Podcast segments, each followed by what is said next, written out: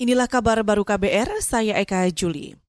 Saudara Menteri Luar Negeri Amerika Serikat Mike Pompeo mengatakan Presiden Donald Trump akan tetap berkuasa.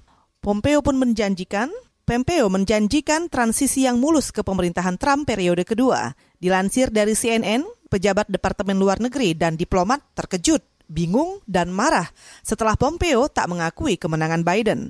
Para pemimpin dunia, termasuk sekutu Amerika Serikat, memberi selamat kepada Joe Biden yang unggul dalam Pilpres Amerika Serikat. Mereka antara lain Presiden Prancis Emmanuel Macron dan Perdana Menteri Irlandia Michel Martin, Kanselir Jerman Angela Merkel, hingga Presiden Turki Recep Tayyip Erdogan. Namun, Donald Trump masih belum mengakui kekalahan dalam Pilpres Amerika Serikat hingga hari ini. Ia pun kembali mengklaim kemenangan dalam Pilpres Amerika Serikat lewat Twitter. Kita ke dalam negeri. Presiden Jokowi memerintahkan semua pihak merealisasikan peningkatan ekspor Indonesia ke luar negeri. Ia optimistis ekspor bisa meningkat jika dilakukan secara cermat dan optimal. Peningkatan ekspor diperlukan untuk mempercepat pemulihan ekonomi yang terdampak pandemi COVID-19. Saya mengajak kita semua mulai dari para eksportir, semua pejabat di perdagangan, para gubernur, sampai dengan perwakilan Indonesia di luar negeri untuk bergerak lebih cepat, lebih solid, dan lebih terpadu. Lakukan lebih banyak eksekusi, jangan hanya rencana. Presiden Jokowi juga meminta Pusat Promosi Perdagangan Indonesia tidak hanya berorientasi pada bisnis sehari-hari, tapi juga menjadi agen bisnis ekspor.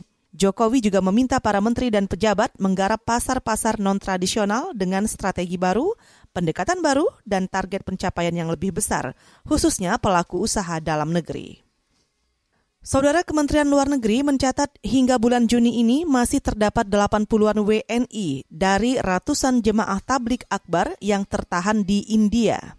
Menteri Luar Negeri Retno Marsudi menegaskan pihaknya mencoba memulangkan WNI secara bertahap. Terakhir pada awal November bulan ini sudah ada 30-an WNI yang kembali dipulangkan. Dengan jumlah ini maka sisanya adalah 82 jamaah tabligh dari jumlah total awal 752.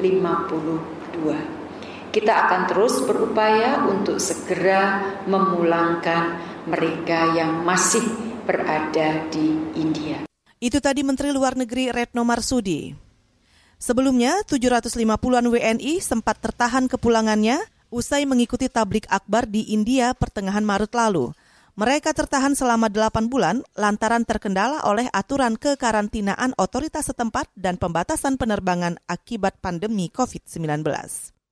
Saudara, demikian kabar baru. Saya Eka Juli.